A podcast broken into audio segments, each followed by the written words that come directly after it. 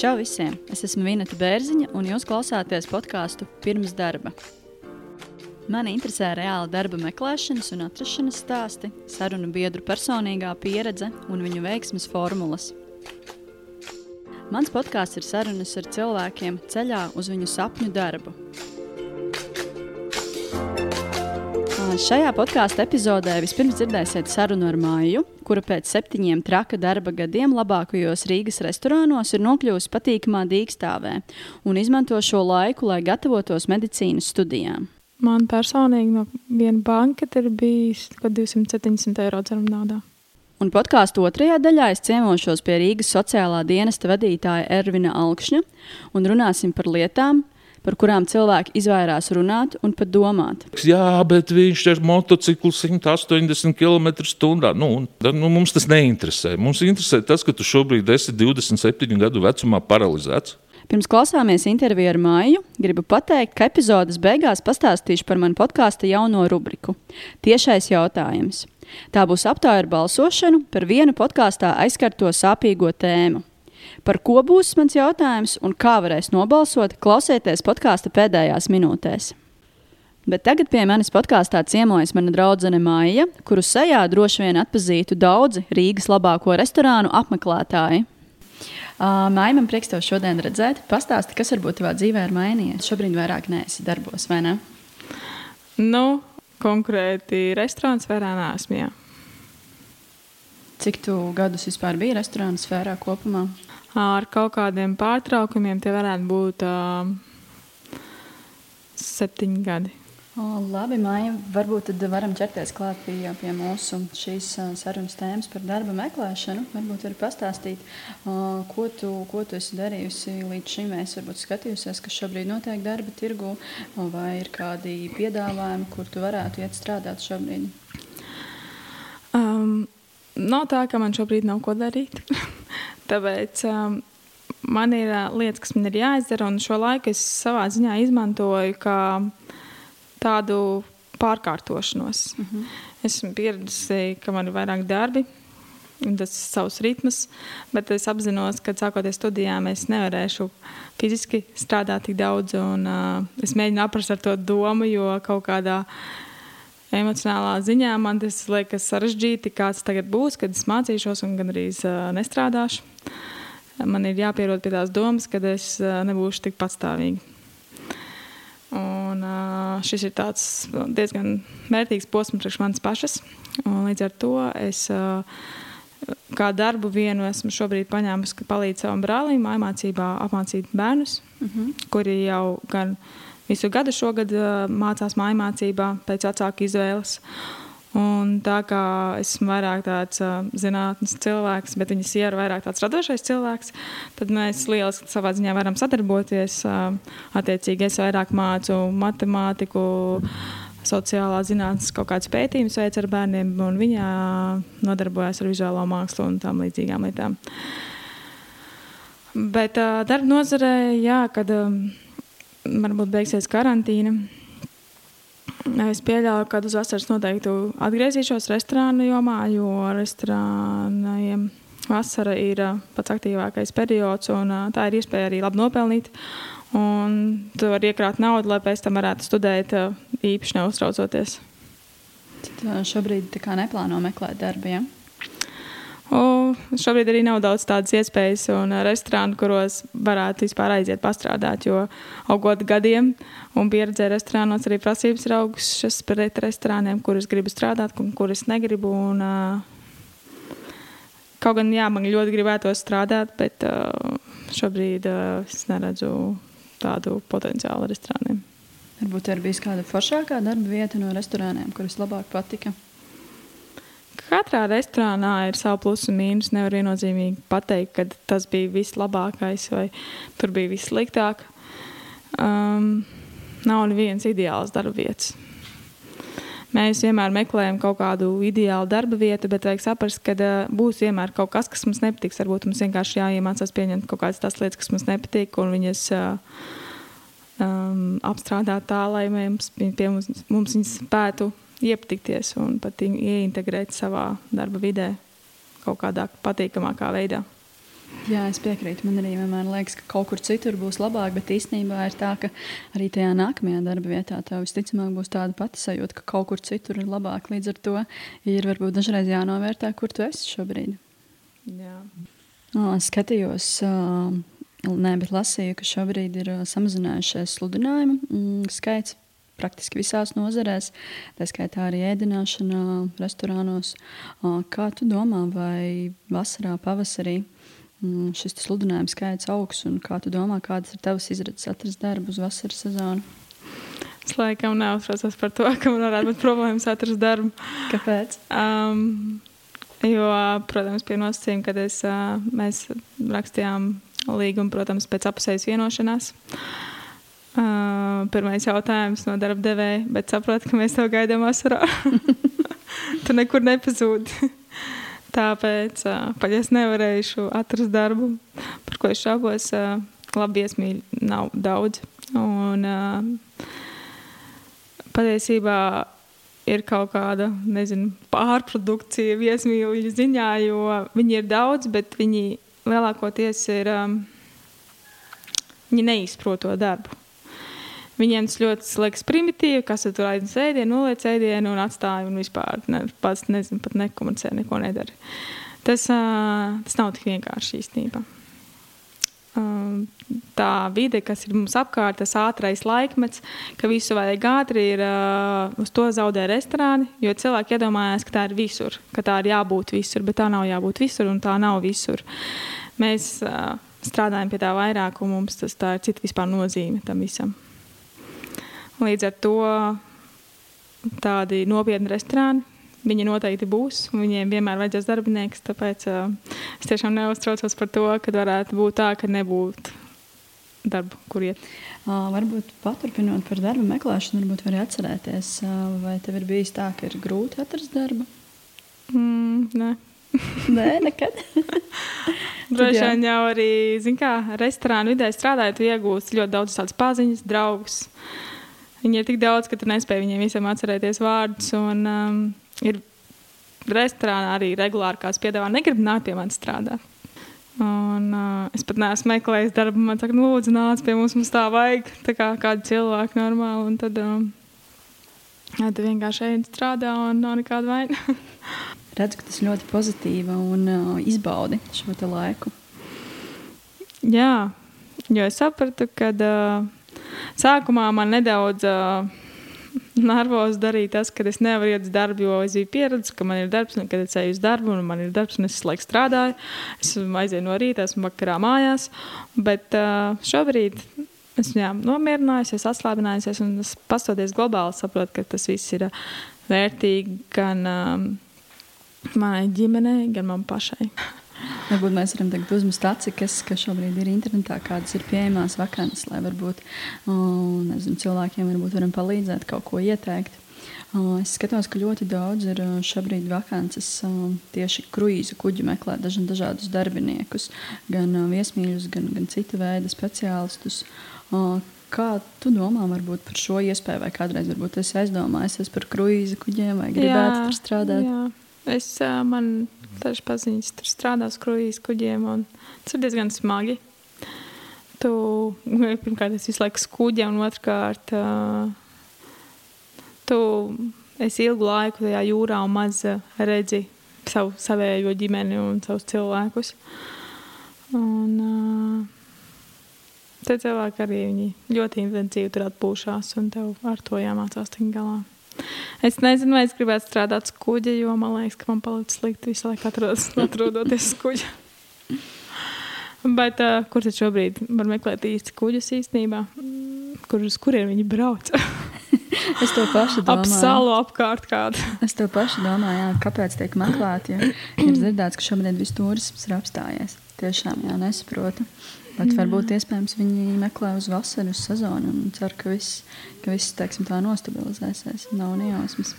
Varbūt ir jāpiezvan uz kādu kruīzu kompāniju jā. un jāpameklē, kāpēc viņi meklē. Nu jā, jo manas paziņām ir jūrnieki, un viņiem arī šobrīd viņi sēž mājās. Gaida, kad varēs doties jūrā.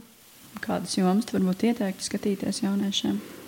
es varu ieteikt arī nebaidieties, nezinu, palīdzēt, um, būt kaut kādiem, palīdzēt uh, veciem cilvēkiem. Ir arī pieaugušie, kas meklē, kas palīdzētu apkopt savus vecos cilvēkus, un viņi ir joprojām vajadzīgi. Uh, es esmu redzējis arī sludinājumies, ka tādi veselības aprūpes speciālisti ir nepieciešami. Viņi nav daudz, bet jau neviens ne to īsti negrib darīt. Nolgas arī ir mazas. Jā. jā, tas ir, bet uh, tas ir labāk kā neko šobrīd nesaņemt. Varbūt. Piekrīt, jā. Un, nu, ja vien tev nav, ja tev nav izglītības, tu nezini, ej uz to pašu voltu vai boltu vai uz kaut kādām tādām vietām, kur saņems kaut ko vairāk kā neko. Nevajag uzreiz teikties pēc paša augstākā, ir kaut kad jāsāk ar kaut kādu mazumiņu. Mēs nevaram uzreiz prasīt miljonu par mūsu darbu. Tas nebūtu adekvāti. Tieši tā. Es ar citu, kāds bija tavs pirmais darbs? Mm, es strādāju pie savas vecās mammas. Viņa audzēja zemenes, un uh, es gan lasīju zemenes, gan pārdevu zemenes, gan uh, visu kādas, kaut kādas sīkumiņas darīju, kas bija nepieciešami. Jo tur bija iespēja gan braukt un lasīt zemes uz vietas, gan braukt un pārdot zemes. Un tad citreiz kontrolēju tos uh, cilvēciņus, kas uh, brauc un lasīja uz vietas. Tā bija tāda forša pieredze. Es gāju skolā, Tad nopelnīt kaut kādu savu naudu, un pēc tam atļauties nopirkt savu kaut kādas lietas, ko es vēlējos, un ko man vecāki nevarēja nopirkt. Un kas bija varbūt tava pirmā pieredze, kas jau bija kā pilna laika darbs? Mm. Droši vien jau ka restorānā, jā. Kurš bija pirmais restorāns? Pirmais vispār bija. Tas bija tajā brīdī tas bija sezonas, bet tas bija tad, kad vēl bija jaunais vilnis. Um, Jaunais vilnis pludmalē kaut kāds tāds uzcelts, kaut kāda telts restorāns bija, un tur ļoti daudz visādi tādas zvaigznes nāca, kas no jaunā viļņa nāk. Jā, tā bija man tāda pirmā pieredze, un es atceros, braukāju vēl ar vilcienu no Rīgas. Man tas viss likās tik traki, un viņi likās, viņi tādas tur tērē. un vēl neapēd to visu. Kurš tā vispār dara? kā ar dzeram naudām? Cik var nopelnīt ar dzeram naudām? Arī kā kur dienu. Masrās, protams, dzeram naudas nav sliktas. tā ir tev tā kā cik, otrā cik, alga. Cik dienā var nopelnīt dzeram naudās? Um, nu, ļoti dažādi, ļoti dažādi. Ir bijis, ka tā aizēja mājās ar 10 eiro. Tāds, mm, mm. Cik jau varbūt lielākais bijis tāds wow? Mm, tas var, man liekas, pat bija no banketa, varbūt, bet um, man personīgi no viena banketa ir bijis 270 eiro dzeram naudā. Wow, lieliski. Tas sanāk viena, vienā vakarā tikai dzeram naudā, ja? Jā, jā, jā. Un ir cilvēki, kas novērtē to, ko dara. Jā, piekrītu. Uh, runājot par iespējām, kas, kas varbūt ir bijusi tāda uh, iespēja, ko tu neesi palaidusi garām, nesi pieņēmusi kā tādu izaicinājumu savā dzīvē, tieši darba sfērā? Tieši šobrīd? varbūt iepriekš. Ne? Um, nu jā, droši vien pagājušajā vasarā es laikam pirmo reizi dzīvē sāku strādāt arī tā kā pa naktīm. Un tas bija priekš manis tāds jaunums, un uh, man liekas, ka tas ieraudzīja pilnīgi jaunu kultūras slāni sabiedrībā. kā viņi dzīvo, un kāda ir viņa tā dzīves uztvere un dzīvesveids, un kā viņi atpūšas. Priekš manis tas bija kaut kas jauns. Jo pavadot laiku darbā, man vienkārši liekas, ka man gribās pēc darba būt kaut kur pie dabas un klusumā mierā, lai neviens ar mani nerunā. Bet uh, tie cilvēki tieši savā brīvajā laikā viņi iet tur, kur ir masas, tur, kur ir uh, sabiedrība, kur ir uh, cita enerģija, dejas, uh, iespēja iepazīties ar citiem cilvēkiem. Mēs katrs esam tik dažāds. Tas īstenībā vienmēr ir mans pārsteigums. Arī restorānā katrs viesis spēja būt tik dažāds un te pašā laikā interesants. Tas varbūt arī ir iemesls, kāpēc darbs neapnīk. Katrā raidījumā es gribu arī iziet cauri viesu CV. Paldies, arī saņēmu tavu CV. Redz arī tavā CV, ka esi strādājis divās darba vietās paralēli, divos restorānos. Varbūt var pastāstīt par šo pieredzi un kā tiki galā. Jā, tas ir bijis laikam vairāk nekā viena reize. Ir uh, interesanti, jo piedāvājumi bieži vien mēdz būt kaut kur līdzīgi, atšķirties kaut kādas niansēs, bet, piemēram, priekš manis kaut kādā ziņā grūtākais ir bijis tieši vīna piedāvājums. Katrā restorānā jau man mūžīgi jūka, katrā restorānā, kad atnāk uz darbu, vai šie vīni man bija tajā restorānā vai tajā restorānā. Jo ir, teiksim tā, viena šķirnes vīni, bet uh, dažādi reģioni vai dažāda gatavība un tu, tev tas uh, jūka kopā. Tāpēc pie tā vienmēr ir vairāk jāpiedomā. Bet, uh, tas ir īstenībā arī kā, ir īstenībā arī kā priekšrocība, jo bieži vien arī restorānos ir vieni tie paši viesi, un viņi ir priecīgi atnākt no viena restorāna, citu restorānu un ieraudzīt arī tevi jau tur. Viņi jūtās jau drošāk, patīkamāk kā mājās, un viņiem arī nav tāds stīvums. Līdz ar to tas ir kaut kādā ziņā apusējs ieguvums. Māja vēl arī redzu tavā CV, ka studē mm, šobrīd sabiedrības veselības studijas. Varbūt var arī pastāstīt, kāpēc tieši sabiedrības veselības studijas, kāpēc tāda izvēle, tomēr septiņi gadi ir restorānu pieredzē, kāpēc varbūt ne turisms vai viesmīlība? Es um, īsti restorānu nekad neesmu uzskatījis par savu tādu galējo pro, uh, profesiju. Tā ir man tāda profesija kaut kādā pārejas posmā, uz kaut ko, kaut ko vairāk, kaut ko lielāku priekš manas pašas. Un um, pirms kāda laika, jau pirms vairākiem gadiem, es nonācu pie secinājuma, ka es gribu savu nākotnes profesiju saistīt ar medicīnu, ar kaut kādām veselībai svarīgām lietām. Un, uh, sākumā es iestājos jā, sabiedrības veselībā, bet studējot, es nonācu pie secinājuma, ka es gribu vairāk Un, šobrīd es esmu teiksim, tā ceļā, lai sāktu studēt mediķos, medicīnu. Un, šobrīd tieši sabiedrības veselībā es nestudēju. Es esmu vienkārši papildus kursos, bioloģijā, ķīmijā, mm -hmm. lai manas tālākās ikdienas studijas būtu vieglākas. Tad, cik noprotu, šobrīd darbu nemeklē, tev, tev šobrīd ir darbs pie brāļa. Dzirdēju arī, ka šobrīd tev ir vēl viens papildu darbs. Tu kopi divas omītes, kas, manuprāt, ir fantastisks darbs, bet ļoti grūts. Varbūt var pastāstīt par šo pieredzi, jo nu, tā ir tāda, teiksim, tā lieliska pieredze un arī nesautīgs darbs. Jā, tas ir tāds mazs solīts ceļā uz to, ko es vēlos darīt nākotnē. Uh, jo tas ir. Um, tā ir mana ikdiena, un tas ir tā kā tev būtu divi mazbērni.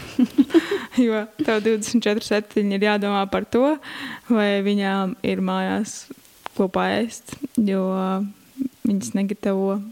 Un labāk, lai viņas nemaz neiet pie plīts, jo ir bieži gadās tā, ka viņas vienkārši izdomā uzsildīt ūdeni un atstāja to katliņu, un viņš tur vārās un vārās Ui. un tad izvārās. tā ir mana ikdiena, man jau žēl to katliņu. jo tas ir uh, sāpīgs jautājums. Bet uh, jā, drošāk veciem cilvēkiem labāk ne, nedarboties ar plītīm un neko tādu, un maksimāli visu viņiem sagatavot iepriekš, lai viss, kas viņiem atliek, ir pašiem paēst. Un uh, lai tā ikdienas, uh, ikdienas kaut kādi vienkārši darbiņi, ko viņi paši ir pieraduši darīt, vai ko vēl var izdarīt, būtu viņiem droši. Un, uh, Protams, ir um, ar vecumu nāk visādas papildus sarežģītības, kā apkopšana un uh, raksturs, kuru tur nevar ietekmēt, un atmiņas problēmas un visādas tādas lietas. Tas ir um, tās ir lietas, kas arī jāiemācās pieņemt un kas kaut kādā veidā padara mani varbūt disciplinētāku un rada pie disciplīnas. Un, uh, tas ir. Um, tas ir uh, veids, kā varbūt arī nostiprināt savu nervu sistēmu un pier, iemācīties neuztraukties par lietām, kuras nevar ietekmēt, un tiešām pievērst uzmanību lietām, kuras ir, kuras ir tiešām nozīmīgas un par kurām vajadzētu uztraukties. To automātiski sāc vienkārši izvērtēt, kas tiešām ir svarīgs un kas bija bijis līdz šim tavs iedoms. teikt, man liktos droši vien smieklīgi, par ko es uztraucos, tā kā man bija 16 gadi. Labi, Maija, paldies liels par šo sarunu. Paldies, ka atradi laiku. Man liels prieks, ka tu esi tik pozitīva. Noteikti iesaku arī citiem saglabāt šo pozitīvu, ar pozitīvismu arī šajā grūtajā posmā. Tā kā saku tev paldies un ļoti ceru, ka aprunāsimies kaut kad vēl drīzumā. Paldies! Tev.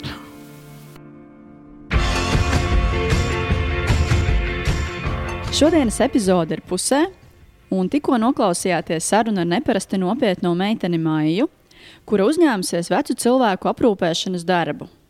Mājas tās manī interesēja uzzināt vairāk par aprūpētāju darbu, un es devos uz nākamo sarunu pie cilvēka, kurš par aprūpēšanu zina gandrīz visu.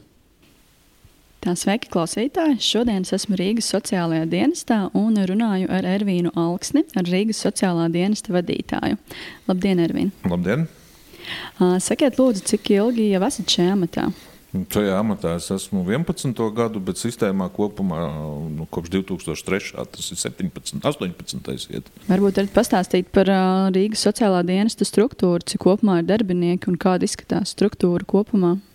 Nu jā, Rīgas sociālais dienests ir pašvaldības iestāde, kurā kopumā amatvietas ir 470. Mm -hmm. Mums ir pāri par 1000 pie 14,000 km2 telpu. Mēs esam struktūra ir ļoti sazarota. Mēs esam izvietojušies pa visu Rīgu mm -hmm. ar domu, lai maksimāli pieejami būtu klientiem.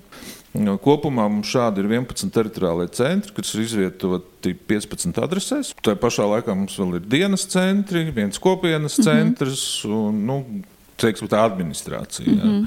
Vai ar visu šo sociālos aprūpes darbu tiek galā 470 darbinieki Protams, Rīgā? Protams, ka nē. Protams, ka nē.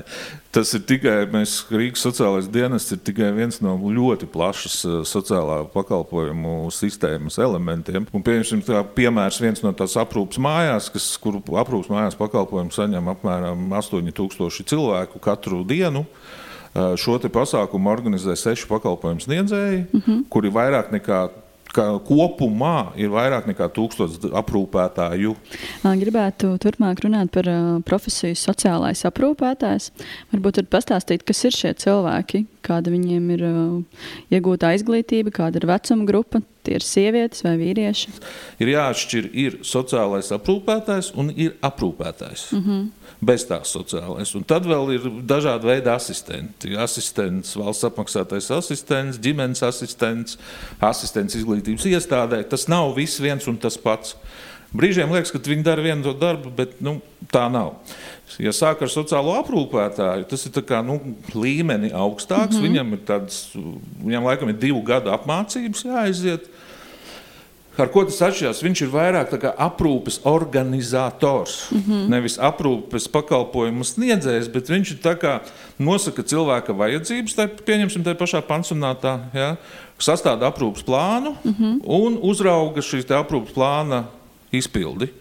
Viņa nosacīti padotie ir šie aprūpētāji, kas nu, tiešā veidā dara arī to darbu ar to cilvēku, attiecīgi šim plānam. Un tam aprūpētājam atkal šobrīd tā dzīves realitāte ir tāda, ka liekas, nu, kas aprūpēt. Nu, nu, Es pieļauju, tā, ka nu, lielākajai daļai cilvēku ir vecāki vai vecvecāki, un katrs ir drusku sastapies ar vecumu vai ar kaut kādu nu, individuālu nelaimi. Kā rezultātā cilvēks zaudē kaut kādas savas pašpietiekamības spējas, mm -hmm. nu, mhm. sevi aprūpēt, kustēties. Nu, kā tagad saka, cilvēki ar speciālām vajadzībām, gan mentālām, gan fiziskām. Un tad, ja man mājās ir, kā jau saku, sirma, kā jauka kundzīte ar baltu matu kodaļu, ar saktu vai brošu pie krūtīm, kur sēž, lasa avīzi, iedzer konjaciņu no rītiem, asins ritē, tad tas ir mans priekšstats par vecumu. Jā. Ja? Kuram, nu, kuru vajag pabarot, jā, kurai uzstājas ēst tieši to pašu, ko man. Nu, nu, dažreiz viņai tur gribās pārunāt, nu, un kaut, kaut ko. Bet tas ir tāds romantiskais stāsts. Jā. Kāda ir tā realitāte? Tā, reali, nu kā, tā arī ir realitāte. Patiesībā tā ir realitāte, bet ir jau tā, tā, nu, tā lieta, par kuru daudz nerunā. Ja?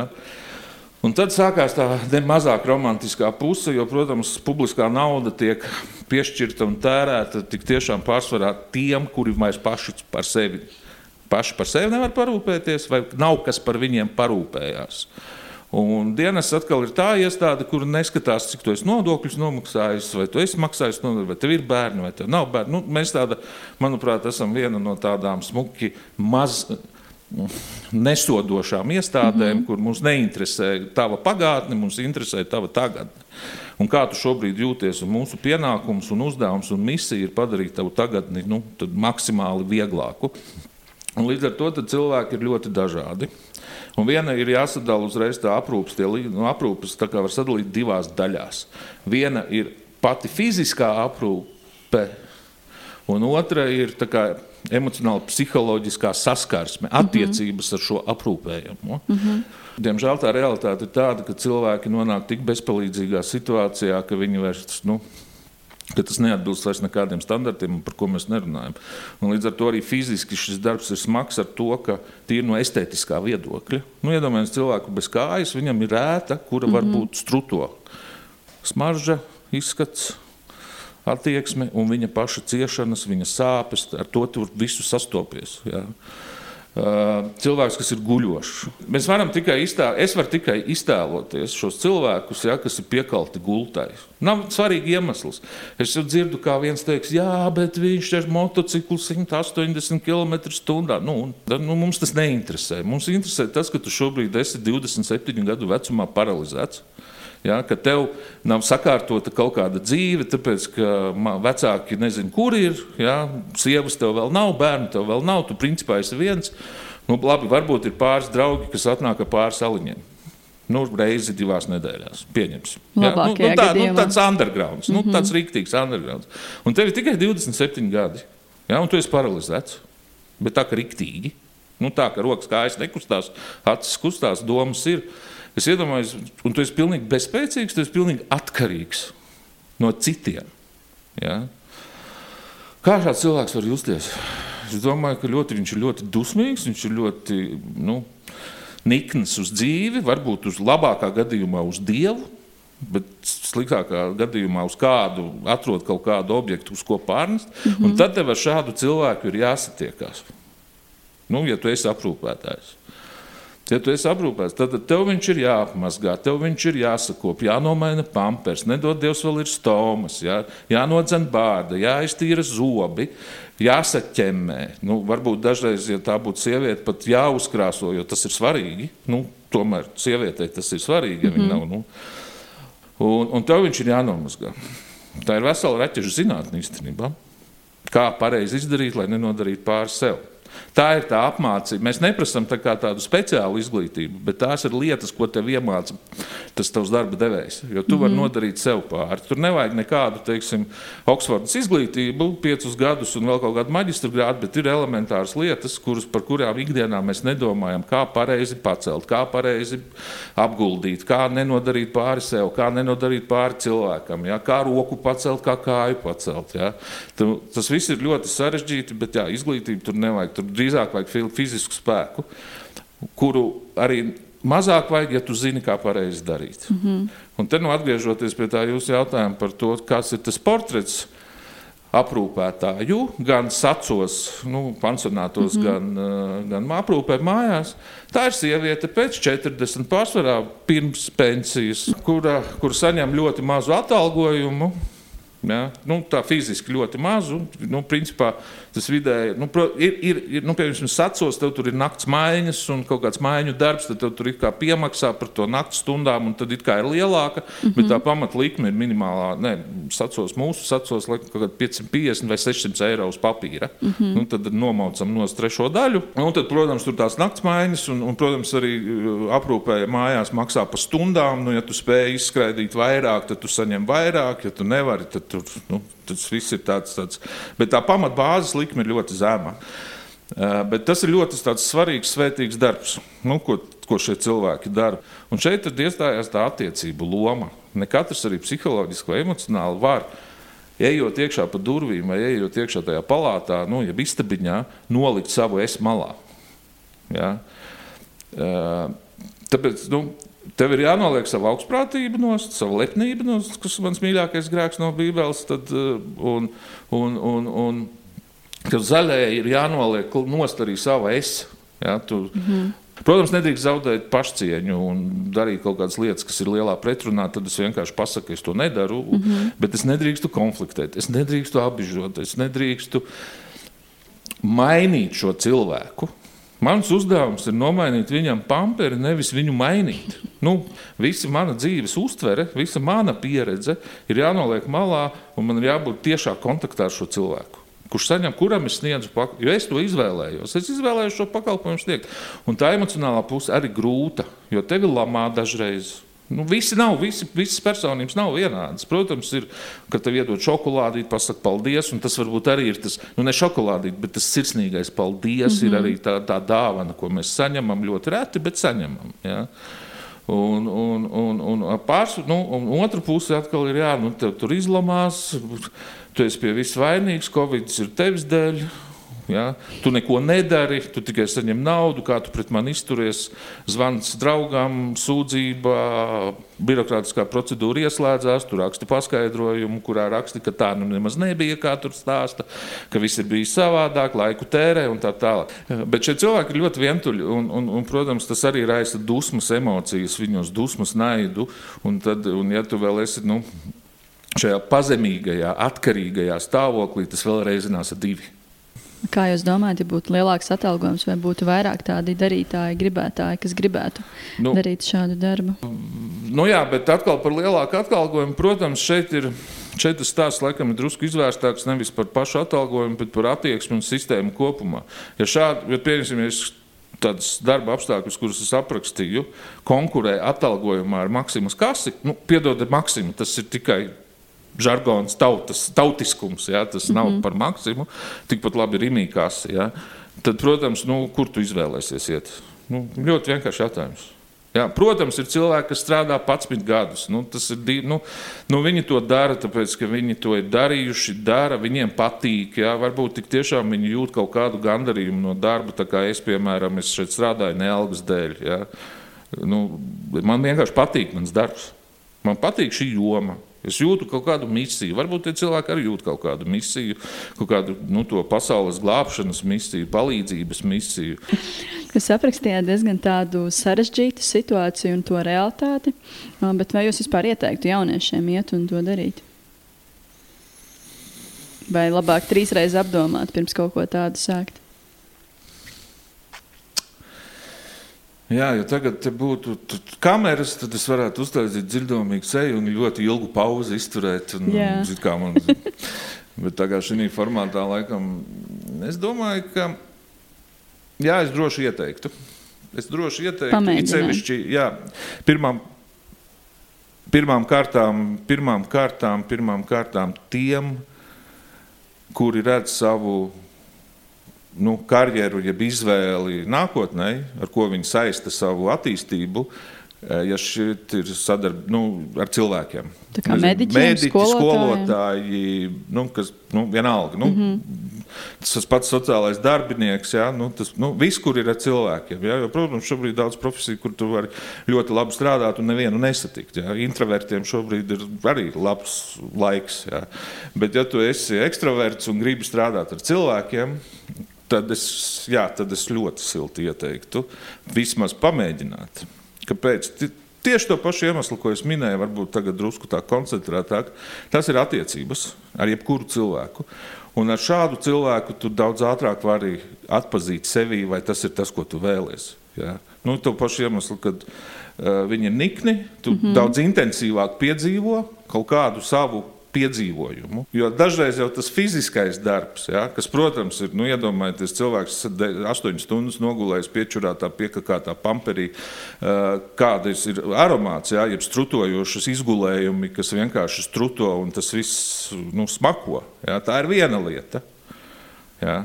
Nu, tas būtu apmēram tā, es gribu būt par ķirurgu, bet neieredzu asinis. Mums mm -hmm. ģīps no asinīm. Ja? Nu, tas, nu, un, un, un, Tas viens, ko nu, atkal slikta duša, vemšana, vai, vai, vai kā tu uz to visu reaģē, un kā tu to visu, ne katrs arī to darbu var darīt. Un otrs ir tās attiecības, sava lepnība, sava, sava attīstība. E, varētu vēl padomāt arī, nu, citi tur, nu, tu, man liekas, tu ļoti ātri iegūsi tādu Nu, ko, es teiktu, tā, ka citi brauc uz Tibetu, sēž tur, dun, dun, dun, Jā. ja, tērē milzu naudu. Man aiziet parūpējies par vienu tādu nu, nu, rīktīgu personību. Izturi mēnesi, un tad parunāsim. Vai vēl gribi uz Tibetu vai nē? Ja? Nu, jo es domāju, ka, ja, ja vēl to mērķiecīgi dara ar tādu ieguvumu sev un labumu sabiedrībai un cilvēkam, nu, tur tā ķīmija varētu nostrādāt baigi labi. Tieši uz priekšdienām, nu, saprast, vai vispār. Un nevajag varbūt uzreiz sākt ar tādu nu, dramatisko stāstu. Ja? Mums ir sadarbība ar sabiedriskām organizācijām, kā pieņemsim lielākās tur sarkanais krūsts, Latvijas samariešu apvienība, mm -hmm. kas strādā pa visu Latviju, starp citu, ne tikai Rīgā, Svētā Jāņa palīdzība, diakonis centri. Nu, tur tur vis- iespēju ir daudz. Un tur ir tādas jauniešu kustības pie tām lielajām organizācijām. Un tu vienkārši tur vari sakomunicēt, pieteikties, un tad tev lēnām ievedīs tajā. Tev nepieliks uzreiz, un nekur nepieliks uzreiz mainīt pampersus un mazgāt, jo tu vienkārši to nemāki. Kaut gan tev liekas, ka tu savu omīti esi pavadījis uz dušu, tad tu visu zini. Ja? Protams, tā nav. Un tev neviens arī neliks to darīt, bet tu tā lēnām vari apostīt to gaisu, jo arī tur strādā cilvēki ar tādu misijas sajūtu vēl lielāku nekā publiskajā pārvaldē. Ja? Un tā labdarība tur ir daudz izteiktāka kā princips. Ja, ja jūs atnāksiet uz dienestu pieteikties, jūs uzreiz liks parakstīt septiņus noteikumus, ka jūs esat iepazinies ar to, to, to. Ja, tad jums trīs mēnešus jūs mācīs, un tad kaut kad jūs varbūt ieraudzīsiet cilvēku. ja? Tur tas viss notiks daudz tādā nu, brīvākā, labākā, tādā savējo kompānijā. Un tā ir tava pirmā kontakts ar palīdzēšanu kā tādu. Jo bieži vien ar ko es sastopos, un, kad cilvēks domā, nu, es tev palīdzēju, tagad tu man būsi pateicīgs. Skuju Anniņa. Nebūs tā vienmēr. Būs, mm -hmm. protams, ka tev cilvēks pateiks paldies. Bet nevienmēr. Tu dabūsi vēl pa galvu, ka ne, ne tā palīdzēji, ne tā izdarīji, ne tā izskaties, ne tas tev mugurā, ne tā uz mani paskatījies. Nu, jo tās ir attiecības. Nu, tas ir, nu, nu, nu, nekur tu no viņām neliksi. Kad tad divi gadi atpakaļ Zviedrijā bija futūristu kaut kāds kongress, tad mēs esam viena no 5% profesijām, kuras nekad neaizvietos uh, roboti. Jo šīs pamatā mūsu darba, un tā skaitā aprūpētāja un visu nosaukto, ir attiecības. Mm -hmm. Likumi, noteikumi ir pēc tam. Tā lielākā prasme, kas tev ir jāprot, tev ir jāmāk veidot attiecības ar dažādiem cilvēkiem. Tev šodien ienāks ot, ar demenci, Rīt tev ienāks ar garīgu raksturu traucējumiem, rīt tev ienāks uz visu pasauli apvainojusies māte ar sešiem bērniem no septiņiem tēviem. Uh, un tā tālāk. Ja. Tad invalīds, kuram ir norauta kāja, jeb roka, ja, kurš ir zaudējis sievu, bērnus, tāpēc ka vairs nevar funkcionēt sabiedrībā ar tādu jaudu, kā bija pieradis. Jā, protams, ienāks arī Sirma Balta kundzīte, ļoti pateicīga, ļoti pazemīga, ļoti neprasoša, ja, kur atkal ir cita problēma. Tev ir jāpalīdz viņai izteikties. Ja. Mm -hmm. Tur tev ir jāpalīdz, jāprot saprast, ko viņš uz tevi bļaujot, nu, mēģina no tevis dabūt. Ir arī cilvēki, kas ir ļoti bikli, kautrīgi, ja, bet tajā pašā laikā viņam to atbalstu vajag. Jo saprotiet, cilvēks var atkal uz mani kāds var apvainoties. Bet nebūs ne pirmā, ne pēdējā reize. Bet saprotiet, ir vēl viena lieta, kas ir ļoti svarīga. Ja kāds domā palīdzēt cilvēkiem, Jā, viena lieta jau es teicu, negaidi, pirmām kārtām negaidi pateicību. Mm -hmm. pa, ja tu gribi palīdzēt, palīdzi bez nosacījumiem. Un, un nevajadzētu sākt domāt, ka es ar to izglābšu pasauli. Tas ir labs stāsts par jūras zvaigznēm. Tas vairāk attiecās uz šo, kad, kad ir izskalotas jūras zvaigznes. Es īso versiju stāstīšu, ka jūras zvaigznes ir izskalotas pēc vētras krastā. Iet viens cilvēks un met pa vienai atpakaļ. Un otrs pienāks, ko tu dari? Tu taču visām palīdzēt nevari. Mm -hmm. Saka, jā, visām es palīdzēt nevaru, bet šai es varu iemet iekšā, šai arī es varu, un šai arī es varu. Ja? Nu, tas ir, nu, man liekas, ka tas ir ļoti svarīgi arī saprast, ka visu pasauli es neizglābšu. Mm. Ja? Es atcerējos no bērnības, mēs gājām pa lauku ceļu ar draugu. Bija tā kā tikko lietus nolīs, un bija nenormāli pilns ar gliemežiem uz ceļa. Viņi ņēma tos gliemežus un visus meta tā kā pļāvā. Un es atceros, toreiz gāju un dusmojos un prasīju, kāpēc tā dari. Taču viņus visus nevar izglābt. Nu, lūk, jā.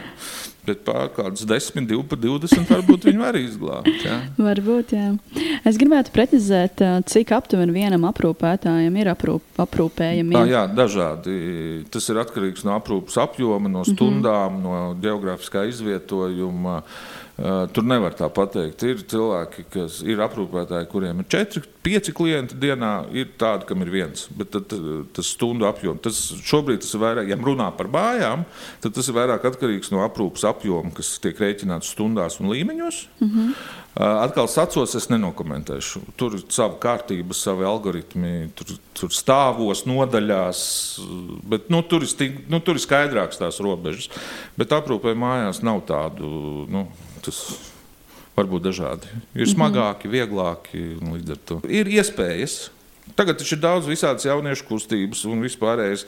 Mums arī ir bijuši studenti no ārzemēm, kas brauc tieši uz pansionātiem Tur arī tā attieksme pret šo darbu ir drusku citāda. Mums viņa ir tāda, nu, kā lai saka, nu, ko jūs tur, nu, ā, jūs tur, nu, es atkal drusku pārspīlēju, protams, nu, bet, nu, var iziet uz ielas, paprasīt, ar ko nodarbojās sociālais darbinieks. Jā. Viņi mums izstāstīs tieši to, ko nodarbojās aprūpētājs. Nu, nav mums tā mūsu joma tāda nu, gaismiņā izcelt. Mm -hmm. Pašu nolaidību vien ir, bet nav laika. Otra lieta jauniešiem, ja viņi tā ļoti lielu perspektīvu skatās, tad es varu pateikt, šī jomā darbs būs aizvien vairāk un vairāk. Jā, varbūt nevienmēr tas ir labāk atalgotais, mm -hmm. bet tev alga būs vienmēr. Tā ir nākotnes profesija, attiecīgi. Jā, tā ir viena no profesijām, kur šobrīd gan ir tur robotiņi, kaut kādi mazgāšanas, kur tu pats tur vari, ja tiec iekšā, tad viņš tev nomazgā. Tas viss vēl ir bērnu autiņos, bet saprotiet, attiecības neaizstās neviens robots, neviens mākslīgais intelekts. Neaizstās īstas dzīves, silta cilvēka pieskārienus. Nekad. Nu, taču tagad arī ir visādas lēles, tur Japānā, un kas tur viss ir Ir, ļoti jā. tuvu, bet tas nekad neaizstās tev kontaktu. Mūsu kolēģi ārzemēs priecājās par mums un saka, ka nu, mēs šo nezaudējam, jo mums ir ļoti daudz attiecību darba. Mēs atnāciet, aiziesim, satiksimies, parunāsim. Viņiem tas viss jau ir kādu laiku beidzies, optimizācijas, re, kaut kādu tur vēl rezultātā. Viss tur notiek jau iesniegums pa pastu, cilvēkus neredz, mm -hmm. sarunai nav laika, viss ornunks, Vācijas piemērs, ja, tur viss ir pa minūtēm. Tev ir minūte un 20 sekundes, lai uztaisītu injekciju. Par to tev samaksā. Ja tu, tu injekciju taisi minūti 30 sekundes, viss tā- tavs problēmas. Bet tas nozīmē to, ka tu pa dienu sakrāji divas stundas un tu nesaņem samaksu. nu, tas viņi teica, tikai dēļ nenonāciet līdz šim. Mm -hmm. Šī, un, un pragmatiski mēs novecojam. Man jau šodien es ieteiktu arī tiem, kas varbūt ne gluži jauniešiem būtu drusku par agru, jo dzīve mainīsies un kāda būs pēc 50 gadiem sistēma, kārtība, iespējas. To es neņemos prognozēt. Bet man manos 50 jau ir, nu, paldies Dievam, arī darbs tāds ir. Bet es visiem silti ieteiktu, sākt domāt, kā pavadīt, kur es un kā es pavadīšu savus vecumdienas. Jums jau var būt pātri vēl domāt, bet nu, tādiem kā es ir jāsāk, nu kā mājās, paļaušos uz bērniem, meklēšu, uzbūvēšu 20 gadu laikā pansionātu, kurš man patīk. Kāpēc ne? Nu, droši. Visas iespējas. Pakalpojums ļoti pieprasīts, starp citu. Mm -hmm. ja? Un tā tālāk. Un te nav runa par naudu. Te nav runa par naudu, cik tas maksā vai vēl kaut ko, bet vienkārši vat, pieņemt to, ka es palieku vecs. Un, un īstenībā man tikko ir pilnīgi zaļa doma. Pilnīgi zaļa doma. Un īstenībā man ir tāda sajūta, ka tad, kad man es būšu pensijā, man būs jākonkurē ar citiem pensionāriem par aprūpi. Ko jūs ar to domājat? Nu, mēs būsim tik daudz pensionāru, kuriem ir savas vajadzības. Ar šo cilvēku, kas spēs man aprūpēt, nebūs. Jo visi būs juristi, ekonomisti, nezinu, kas tur vēl. Nu, IT, mm -hmm. nu, tur tādu tālbraucēju kapteiņu, kurmēm un tā tālāk. Ja? Bet tādā ziņā, ka man, jās, jā, man būs jākonkurē. Drīkst tā tieši. Man būs jākonkurē ar tādiem pašiem penšukiem par manas pakaļas un viņa pakaļas tīrību. Atgriežoties pie Tā kā jauniešiem, jaunieši ejiet aprūpē. Atgriežoties pie jauniešiem, vai šādu darbu var savienot ar studijām, ar Protams, mācībām? protams, protams, protams, protams, tas ir arī elegants darba savienošanas, jo tas, protams, prasa kaut kādu piepūli, ja, bet ja, atkal skatoties, kur es izvēlos. Ja, ja es izvēlos mm -hmm. asistentu, tad man ir jāvienojas ar pakalpojumu saņēmēju, jo esmu pakalpojumu sniedzējs, un to dienas kārtību zināmā mērā nosaka tas cilvēks, kam šis pakalpojums pienākās. Un man ir jāpielāgojas viņa dienas kārtībai, bet, protams, viss ir atkal runājams un atkal jautājums, nu, kā tu tās attiecības nodibināsi. Mm -hmm. Ja tā ir aprūpe mājās, tad, protams, var runāt par kaut kādas vakaru stundām vai rīta stundām. Nu, naktas stundas tur nav. Ja? Nu, aprūpē mājās naktas stundu nav. Mm -hmm. Ja tu ej uz sacu, Nu, uz pansionātu, tad, protams, atkal ir, bet tur atkal ir darba likumi, kaut kādas darba aizsardzības, kur ierobežo kaut kādu naktas stundu darbu, bet tas ir brīvdienas. Ja? Mm -hmm. nu, tas viss ir runājums, jo šobrīd šī jomā darba devēja ir ļoti elastīga, un arī es kā darba devējs esmu ļoti elastīgs. Ja? Kaut gan mēs runājam nosacīti par citām citām iestādēm vai citām organizācijām, bet arī šobrīd mūsu jomā mēs, nu, mēs esam mazliet, nu, mums lepnība ir izdzīta. Mēs esam ļoti pateicīgi. Nu, protams, mēs filtrējam, kuru katru neņemam. Tādu, nu, ja, cilvēku, bet, ja cilvēkam ir kaut nu, nu, pietiekoši daudz, ja, ja seja ir izķēmot pietiekoši daudz ar intelektu, tad, tad nu, noteikti viņš var šī jomā darbu atrast bez īpašām prasmēm. Mm -hmm. nu, saprotiet, padomājiet paši, vecāki mēs paliekam, spējas mums zūd. Nu, labi, pieņemsim, ka medicīna un kaut kāda ģēnu, gēnu inženierija un nano kaut kāda figņa tur viss iet uz augšu, bet vienalga pienāks tev 120 gadi. Tu būsi tādā stāvoklī, kā šogad, sept, nu, šī brīdī 70. Nu, vienalga, kādam vajadzēs tev palīdzēt. Nu, vienalga. Saprotiet? Jo, manuprāt, arī kas, ir, kas Latvijā ir drusku sačakarēts, nu, vai tas ir nezinu, latviešu dzīves ziņa no ragaviņām uz mežu un no tiem laikiem, vai vēl kaut kādas rūktas atmiņas no padomu iekārtas infrastruktūras. Ja, Mēs kaut kā gribam, pat ja mēs pats nolēmjam, ka es nerūpēšos par savu tēti vai māmu tiešā veidā, tas ir slikti. Tikai maksāšu. Tad man noteikti no desmit cilvēkiem deviņi pateiks, ka tas, tas ir slikti. Mm. Kā tu viņu atdevi pansionātā? Pie viņa nāk svešs cilvēks. Ai, ai, ai, ai, ai. Nu, bet tas nav pareizi. Jā, Manuprāt, tas gadījums, nav jā. pareizi. Tev ir jā, nu, tu esi izdarījis kaut kādu izvēli savā dzīvē. Jā. Tev šī izvēle ir jārealizē. Nu, nav tava izvēle rūpēties par savu mammu līdz nāvim uzšķirs. Nu, nav. Tev ir jāatrod, jā, dažreiz ir tīri materiāls variants, ka tev ir lētāk sēdēt ar mammu nekā strādāt par minimālu algu. Jā, to es saprotu. Bet, ja tev tur pamet darbu ar perspektīvu tikai tāpēc, ka nu, tas, manuprāt, nav pareizi, un tāpēc tur atkal būs tās rokas vajadzīgas. Tad dubultā jau vajadzīgs. Mm -hmm. Vienas, kas pelnīs, un otrs, kas strādās. Ziniet, ja, ja šis būtu reklāmas raksts, tad es laikam teiktu, tā, un man par to maksāt. Jaunieši, nāciet strādāt aprūpē, jums vienmēr būs darbs. Bet sava taisnība jau tur ir. Tā ir nu, tur nav sava, tur ir reāla taisnība. Mm, tieši tā. Uh, paldies! Lieliska viela pārdomām. Es ļoti arī ceru, ka mūsu klausītājiem ir interesanti. Un, un jā, ļoti ceru, ka arī var noderēt uh, šīs saruna un, un uh, padomāt par vērtībām. Un, jā, varbūt ir laiks izvēlēties īstus izaicinājumus mums. Nu, droši. Paldies jums jā. par interesi. Paldies! Prieks jūs satikt! Visu labu! Visu labu!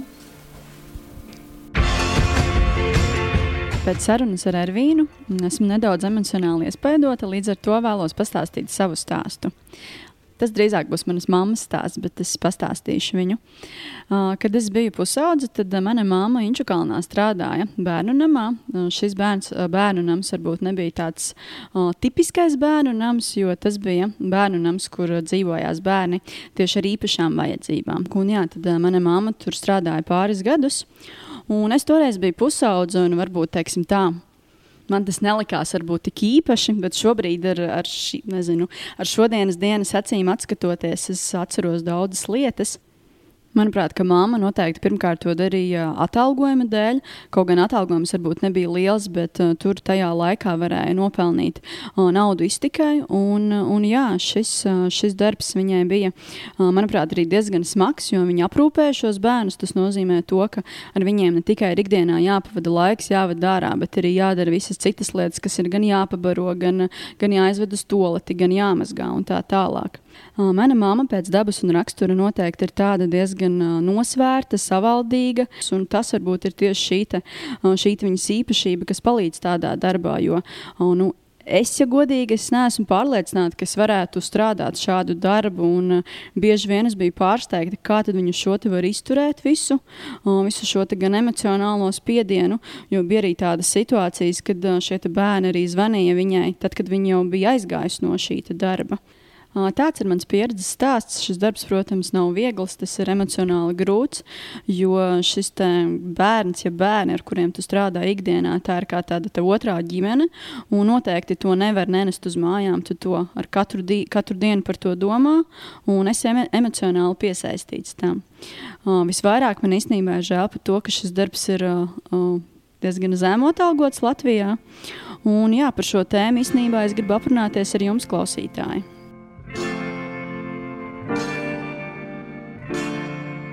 Tā nu mēs esam nokļuvuši līdz podkāstu sākumā pieminētajam tiešiem jautājumam. Es turpmāk katrā epizodē savu podkāstu klausītājiem gribu uzdot jautājumu par kādu no podkāstā izskanējušām problēmām. Šīs nedēļas tiešais jautājums ir: kādai būtu jābūt algai, lai tu piekristu kopt vecus cilvēkus un invalīdus? Atbildēt uz tiešo jautājumu un nobalsot par savu variantu, jūs varat mana podkāstu sociālajos tīklos, meklējiet Facebook un Instagram podkāsts pirms darba. Balsojiet, rakstiet komentārus un dalieties ar savu pieredzi. Jūs noklausījāties sarunas pirms darba. Ja podkāstā dzirdētais aizķēra, spiediet pogu abonēt vai sekojiet podkāstam Instagram vai LinkedIn profilos. Atbalstiet un izsakiet savus viedokļus komentāros, rakstiet man, ja vēlaties, lai jūsu stāsts izskan manā podkāstā. Nākamo podkāstu epizodi klausieties nākamnedēļ pirms darba. Uz sadzirdēšanos!